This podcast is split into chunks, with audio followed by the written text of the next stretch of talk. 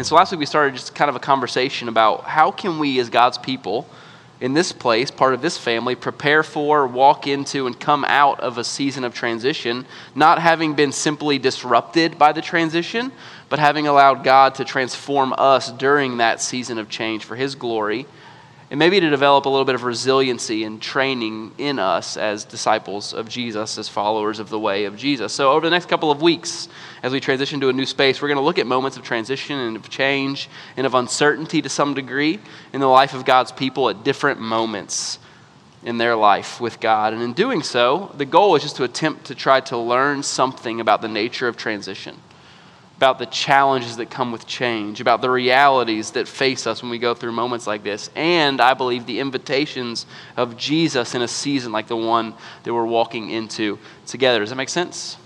That's what we're going after. So, Acts chapter 1, if you have a, a Bible, Acts chapter 1, starting in verse 1. Um, this is the word of the Lord for the people of God. In my former book, Theophilus, I wrote about all that Jesus began to do and to teach the former book is the Gospel of Luke.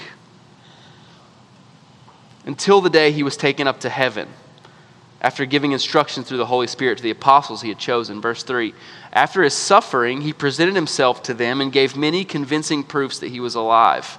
He appeared to them over a period of 40 days, and he spoke about the kingdom of God. So this is Luke writing to Theophilus to the church, to people who are interested in the story of Jesus. And he says, Hey, Jesus died. He was raised on the other side of death. He walked into life out of a tomb, right? And for 40 days, he began to teach the apostles, his closest followers, about the kingdom of God, about what's happening, right? And he invites them into that. So, just by way of context, if you're new to this whole church thing, the author of the Gospel of Luke, histor- the historical Luke, writes a companion piece to that gospel, kind of a book in two parts. And in the second book, that is the book we know as, as the book of Acts that we're reading this morning. He tells the story of the church that was born out of the ongoing work of God through the Holy Spirit, through men and women that were the earliest followers of Jesus. That's kind of the second piece. Jesus' life and now the life of the early church empowered by the Holy Spirit. That's the book of Acts, right? And it's wild and amazing, and we're starting it together this morning. Many people think, just by way of historical context, that Luke was commissioned by someone named Theophilus to put together this account of the work of God. Like, hey, tell me the story of what God has done. Like, why? Like, what is happening? Tell me the story. And Luke gets the job. And he begins that story, the second act of his of his story called Acts, which is a confusing thing that I realized just now as I said it. Um, he kicks off that story with the following words to a church, a very small, young church, right? Of about 11 people and all the rest of them that aren't named, um, in a moment of transition, in a moment of really significant change. And he says these words, verse 4 On one occasion, this is, the, this is the story that he kicks off this story with. While he was eating with them, him being Jesus, them being the disciples, he gave this command Do not leave Jerusalem, but wait for the gift my Father promised, which you have heard me speak about. For John baptized with water, but in a few days you will be baptized with the Holy Spirit. I was struck this week by the ways in which this moment of transition in the life of the earliest disciples mirrors that moment of transition we looked at last week in Joshua chapter 3. If you were here last week, um, if you weren't here, just really quickly, Joshua chapter 3 is this moment in the life of the people of God. They're about to walk into the promised land for the first time on the other side of hundreds of years of waiting to see the promise of God break into their reality. It's my grandpa answering the phone during church. In that moment, right, waiting to step into hundreds, hundreds of years of promise. See this promise break into their reality. This is the moment they find themselves. Joshua brings them to the edge of the river. They must cross it in order to step into the promise that God has been waiting to deliver them for hundreds of years, for generations. And they come to the edge of the river, and instead of just crossing it, Joshua says to them, Hey, before we go in, camp and wait and stay. Look across the river. Look into what is coming. Take hold of it in your minds and in your hearts. You see, because that invitation to wait, to recognize that everything is to come, they don't walk into it on their own, they don't come to it on their own terms. They're being delivered to that place, and they will follow the presence of God into it. They will be guided and led by the presence of God into what they're waiting and walking into. And so they wait and they prepare. And on the night before they cross the river, Joshua says to them, Consecrate yourselves, for tomorrow you will see God do amazing things among you. And that's a huge moment in their lives, right? He says, don't just walk into it. Don't just wake up and fall into it on Monday morning. He says, consecrate yourselves. For tomorrow, God will do some amazing things among you. Dedicate yourselves to what is to come. Because the truth is, God will do some amazing things. And if you're not ready, and if you're not committed to walking the path, you will miss it. It'll be too hard. It'll be too scary. The giants will seem too big. It will feel too uncertain. This will just be the story of a time you crossed a river instead of the beginning of the miraculous work of God to deliver you into the promise of God that you've waited so long to experience. Consecrate yourselves. Get in your mind now that you'll walk the path ahead because there will be many off ramps and you'll want to choose them and you'll want to take them. You will bail. It will get hard and you will bail. Decide now from this moment that you won't, that you'll walk into this thing and you'll walk it out to its end and know that when you'll do, the promise of God is that you will experience things that only Yahweh can do on the journey, right? But consecrate yourselves for it now before you get into it and bail, before it gets too hard, before it gets too difficult, right? And now this morning, we find ourselves reading a story in which Jesus is saying to his closest followers almost the same thing Don't go anywhere, stay here, wait, prepare yourselves Consecrate yourselves for the journey. Wait on the Lord to move, to act, to go before you, to hear this. Keep his promise. That he has promised you something. You don't move until he does it. Israel is waiting for God's presence to move before them. And now the followers of Jesus are told to wait until the presence of God moves over them. It moves in them, it moves through them and propels them into the mission of Jesus. He says, Don't walk into the mission without the empowering Holy Spirit because it's not going to go well. Wait, wait. Prepare yourselves for the journey. Verse 6 Then they gathered around him and asked, This is one of the most amazing questions in Scripture Lord, are you at this time going to restore the kingdom to Israel? Um, I want to name this dynamic that, that is expressed, I think, in this question, right? Jesus is saying, Wait until you receive what you've been promised for the journey ahead. Namely, no big deal, the Holy Spirit of God. Like the one that hovered over the waters in creation, right? Like that whole wait wait until the Holy Spirit of God comes, right? And then you move. And they hear that and they ask, is it now? Like is this the one? Like, is now the time? Is this the last time, Jesus, hear me? I think it's a really good question. Is this the last time that we'll have to be here preparing for a change, waiting between what has come and what has been promised, just tell us, Jesus, is now the time? Is this the last time we're going to have to do this, right? Like, we all want to know, don't we? We all want to know that at the outset of a season of change and transition, is this the last time we'll have to do this? Like, what's on the other side of this? Maybe it's just me. Like, I'm like, I would love to know. Like, somehow knowing, right? Knowing would make the discomfort and the inconvenience and the waiting and the hoping and the working and the struggling worth it somehow. If we just knew that on the other side of this, we'd never have to do it again. Or at least if we knew what it would look like when we finally made it to the other side. Like, how are we even going to know? Like, what's coming? What is this, right? It's like they're saying, Jesus, we've been through some things. Like, we've seen some things. This is the resurrected Jesus. Like, hey, um, the upper room was tough for those couple of days, right? Like, it was a tough period of transition and change. Like, is this like, do we got to do it again? Or like, what's next on the other side of this 40 days with you, right? Like, Surely now it is, right? Surely now the kingdom will be restored to Israel. Surely now is the moment, like all of history, building this moment, right? The only problem is the thing they wanted to arrive on the other side of this season of change is not the thing which Jesus and the Holy Spirit is leading them to at all. You see, the thing that they think the transition is preparing them for, they think that God is up to in the world, is way too small. See, the power of the Holy Spirit of God will not lead them into the restoration of a kingdom that is just for Israel. but the, the, the thing that God is leading them into will result in the establishment of God's good and beautiful and peaceful kingdom over all of the earth, for all people, for all time. It's a much bigger vision than the one they were waiting to see accomplished among them. And for them to get there, for them to experience God's vision for the universe this season and many, many more, transition will come. It's like Jesus is saying, hey, this change, this season, it's not by accident. You see, in this season, you're going to get God in a way that you've never experienced Him before. In you and in this community, and the presence of God will propel you into all that is coming. You see, transition is not about surviving it, it's not about getting to the other side of it until you can be with Jesus again. It's living out of the power of Jesus in the in between so that the next time they see Jesus, the whole world will see him with them. Verse 7 He said to them, after their question, It's not for you to know the times or dates the Father has set by his own authority, which had to be the worst answer they could have received. Like, can you imagine the frustration? Like, okay, thanks. Verse 8, but you will receive power when the Holy Spirit comes on you, and you will be my witnesses in Jerusalem and in all Judea and Samaria and to the ends of the earth. You see how big the vision is? It's too, theirs is too small. It says this is like a whole world kind of thing. Like, transitions provoke questions. Check my email inbox if you don't believe me. There's a lot of questions in there from a lot of different people, some of you included, and they're great. Transitions provoke questions. I'd be asking the same thing if I were them, right? In the moment our church finds itself in, I'm asking all sorts of questions. And as an answer to their question, I think to mine as well, Jesus reorients them to this invitation to them. He says, in essence, God is about to do some amazing things. We've heard that before, right?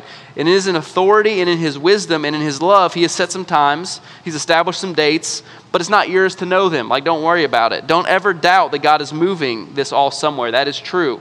Towards something beautiful and amazing, yes, but yours is to receive and to act. I know in the middle of it all, it's like Jesus is saying that you want answers, you want certainty. Let me remind you, this is a journey of faith. Like, as a matter of fact, knowing the who and the how and the when and the why might just rob them from the very gift of participating fully, being fully present in the moments. And it might rob God of the glory and of the power that is His through the work of the Holy Spirit in and among them as they participate in the meaningful work that God has given them to do toward that end. Now, the question I'm, that's been on my heart all week is like, what do we miss in our search to eliminate the uncertainty? To master the mystery or to alleviate our anxiety? What do we miss in trying to do that? Jesus, you don't have to. You don't have to you can be certain of what I'm doing, and you can walk faithfully along the path. And I promise you, you'll see amazing things that you never expected to see. Verse 9, the coolest exit of all time. After he said all this, he was taken up before their very eyes, and a cloud hid him from their sight.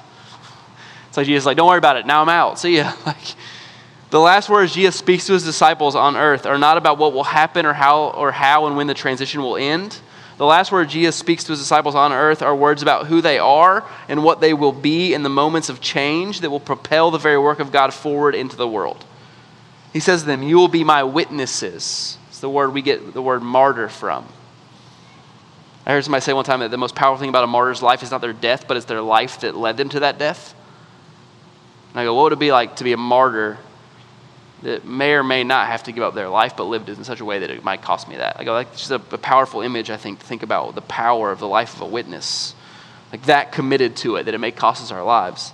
In this moment of dra- dramatic change, Jesus says, Hey, I'm going away, the Holy Spirit will, will come. That's a big transition, bigger than the one our church is going through, by the way. I just want to name that. Like, from Jesus to the Holy Spirit is a big change, much bigger than like from downtown to Red Bank back downtown. Okay, like we can make it, we'll be fine. He's alive, but things are different. Also, a big transition. What will the future look like? How will it happen? It's a moment Jesus has told them over and over and over again was coming, but it's one they couldn't have been excited about to realize that was happening right in the moment, right? It's like, oh, this is what he was talking about. It was cool when he said it back there before the resurrection, but now that we're in it, I'm not as stoked about it. I would just rather hang out with you, Jesus, and this whole Holy Spirit thing. I don't, I don't know. Jesus is gone now. He's hidden from their sight. Can you imagine the level of change, the, the, the catch in their spirit, the hitch in their heart as they, as they see Jesus disappear into the clouds, the degree of uncertainty, waiting on an amazing promise with literally no idea what life would be like on the other side of it. And it's in that moment that Jesus gives them one of the more evocative and powerful identity markers that he gives his followers anywhere in Scripture. He says, You will be my witnesses in the transition, in the change, to get us from here to there, you will be witnesses of what you've seen. The transition, you see, the change, the moment becomes the very place where they will speak powerfully and boldly about what they've seen and experienced. Not on the other side of it, not when it's finished, when the bow has been tied on it nicely and neatly, when the words remission are spoken, or when the relationship is better, or when the cravings have ceased, when the anxiety abates. No, not then. No, it's in the process, it's in the journey, it's along the way, on the road, as Jesus walks with us, that we bear witness to his grace that has sustained us. That we need to sustain us as we move forward, the power of the Holy Spirit at work in us, the confidence and faith that we'll see it again as we've seen it in the past, right when we need it. The Holy Spirit isn't sent to them for when the church is established or the vision is set or the systems are in place. The Holy Spirit is sent to get them there, to empower them along the way. I don't know if you ever think about things like this, but do you know like how important a witness is, like to the criminal, to the judicial system? I honestly had no idea. A year or so ago, uh, I got called to jury duty, which was awesome for the very first time in my life. I thought I was going to tell them I was a pastor and get excused. That didn't happen. I said it over and over and over again, and it still didn't happen. I got put in a group of 20 people or so downtown at the courthouse. Things really do happen in there. I wasn't sure. Ushered into a courtroom, sat down in a row of benches in the back. In the room was the judge and the bailiff and lawyers, all sorts of really important people, really important jobs.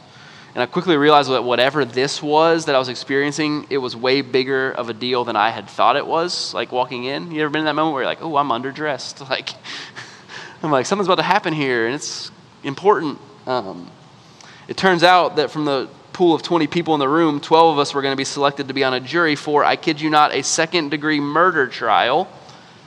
I thought we were talking about unpaid parking tickets. Like, that's where I was walking in. Um, and I got selected uh, assigned to the jury. Found out the trial was scheduled not for a week from now, but later that afternoon, which was a thing I didn't know happened. Um, I called Kristen. I'm like, I'm, I may be here forever. I might live at the courthouse now. I don't know. Um, there were people everywhere in the courtroom. Important people. Judge, us, the jury, the lawyers, the DA, press, police officers. It was one of the weightier moments I've ever experienced as the wheels of the justice system began to spin up. And I realized at the same time that this was a big deal. And then, in the middle of all of that, suddenly everything stopped. Like you could have heard a pin drop in the courtroom. The gears of a machine that had been moving for months, like literally four months, to arrive at that moment. All the time, all the energy, all the preparation, all the logistics, all the expense, it all stopped instantly, like screeching to a halt. Started with a whispered conversation between someone important, I don't know, and the judge you ever been in a moment like that where like it's just a room full of people just freezes and you're like something's happening and I don't know what it is? And the judge, he has a little microphone, he turns it on, he begins to speak and he says, "There will be no trial today." And I was like, "Whew." The prosecution's key witness isn't coming. Jury, you're free to go. No one was there to tell what they'd seen. There was no witness to help this people this group of people get from where we were to where we needed to be. No one to tell the story, no one to speak out of the chaos of life with words of certainty and truth. And because of that, it was impossible to continue. The whole thing shelved, canned in a moment because no one was there to talk about what they'd seen. Fascinating to me that Jesus' words to the disciples in this moment are not as much encouragement or a pep talk about how they can get through what is coming, as much as they are words of identity and purpose and work to do in the transition. This isn't a hang on and make it through, batten down the hatches. It's going to get rough, but it'll be better. You'll make it. No, this is a Jesus. This is Jesus looking at them and saying, "Hey, I need you to lift up your chin. I need you to pick your head up. I need to give you what's in my heart. You need to go and tell what you've seen boldly, powerfully, lovingly, as men and women and boys and girls that have seen God do some amazing things and will see more. That's your posture, that's your role in this moment of change and chaos. You see, it's not about getting through the uncertainty to the other side to a brighter future as much as it is about consecrating themselves in that moment for the journey, committing themselves to it, and then being empowered by God Himself on the way to testify to that which they've seen and heard and experienced with Jesus. I just want to ask a question. What does it look like for our church, for City Collective? I am not interested in anything outside of that for right now in this conversation. To live out of the calling Jesus has placed on our lives to be witnesses of his love and his grace and his faithfulness and his provision and his healing during this season of transition in a new place, in a new part of town, in the uncertainty of all of it. What does it look like for us to live out that calling? Verse 10. They were looking intently up into the sky as he was going, obviously. when suddenly two men dressed in white stood beside them. Men of Galilee, they said, why do you stand here looking into the sky? This same Jesus who has been taken from you into heaven will come back in the same way you have seen him go into heaven. See, the first thing I wanted us to be reminded of this morning in this moment of transition and change in the life of the earliest church is that God gives us purpose and identity and good work to do in the middle of the change. That's the first thing. Transition, transition isn't just to be survived, but it's a season in which, if we're able and consecrated for the moment, we can testify to what God has done and see Him do some more things through us for His glory. The second thing I want to name is just this it's really tempting in seasons of transition to stare into that which was,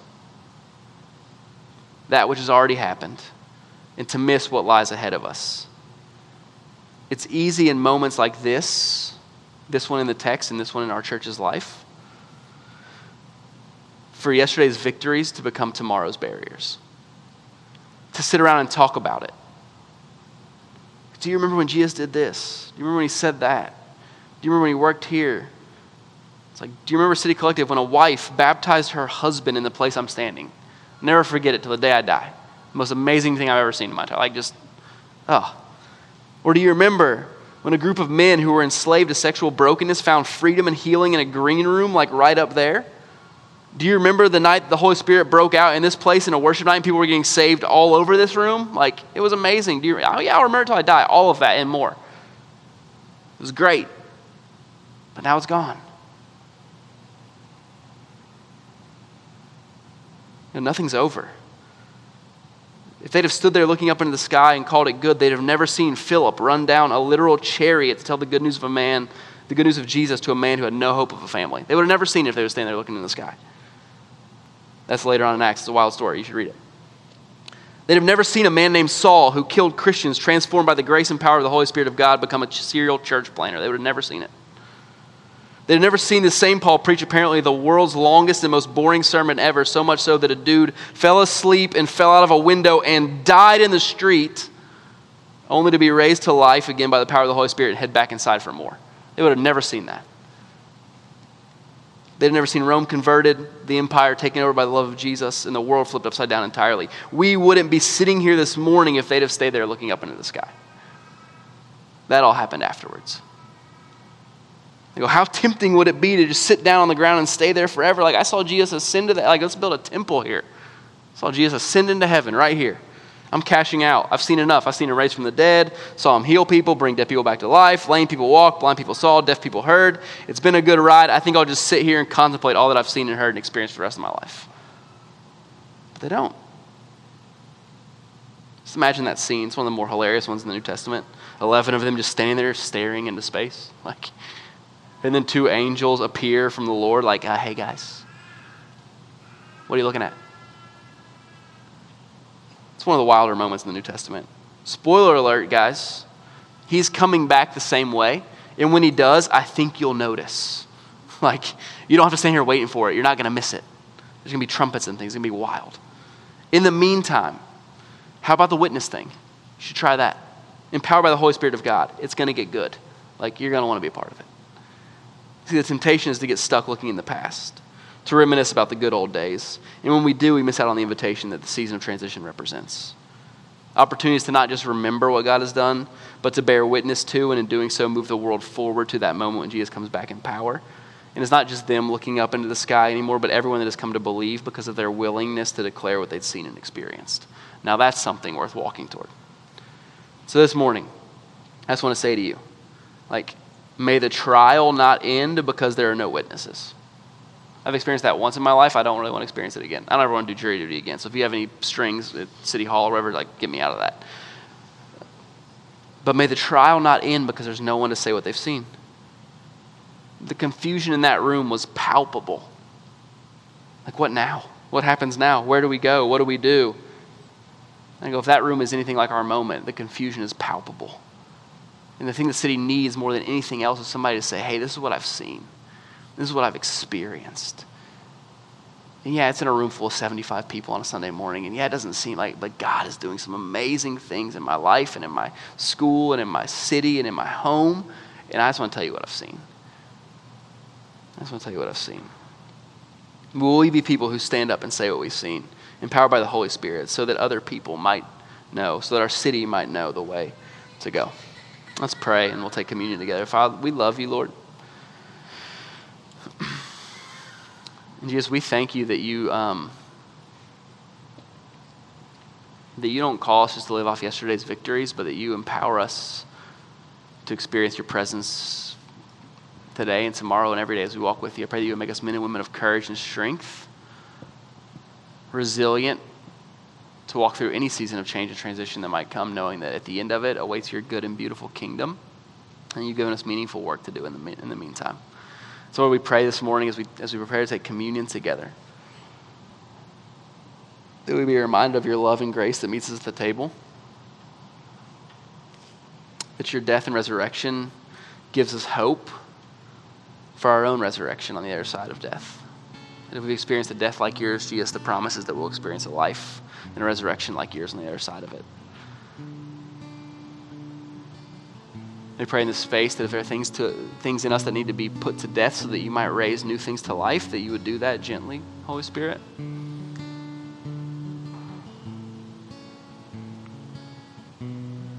That you would give us a vision of our lives as witnesses. Just reminded that the faithfulness of a witness, the success of a witness is only defined in their ability and determined by their ability to tell honestly and faithfully what they've seen. It's not theirs to orchestrate the story. It's not theirs to make the story more palatable. It's not theirs to do anything other than to bear witness and to say what they've seen and experienced. So would you make us men and women who are able to say, courageous to say what we've seen and experienced? And Lord, I pray that you would give us experiences of your love and, and grace in increasing measure so that we might bear witness to them. And we not hide what you've done in our hearts or in the prayer journals of our of our souls, Lord, but that you would allow us to bring them to light, to share them in ways that are honest and humble and loving. So that others in our city might come to experience the salvation that you offer us, the good life that you offer us, the purpose and the meaning and the beauty that we experience as we walk through life with you. Yeah, we love you, Jesus. Thank you for your body that was broken and your blood that was shed for the hope of eternal life that you've given us, beginning now, lasting forever in your kingdom, Jesus. So we pray, may your kingdom come, Lord. May your will be done in this place, in this church, in this city as it is in heaven. For your glory and our joy, we love you in Jesus' name. Amen.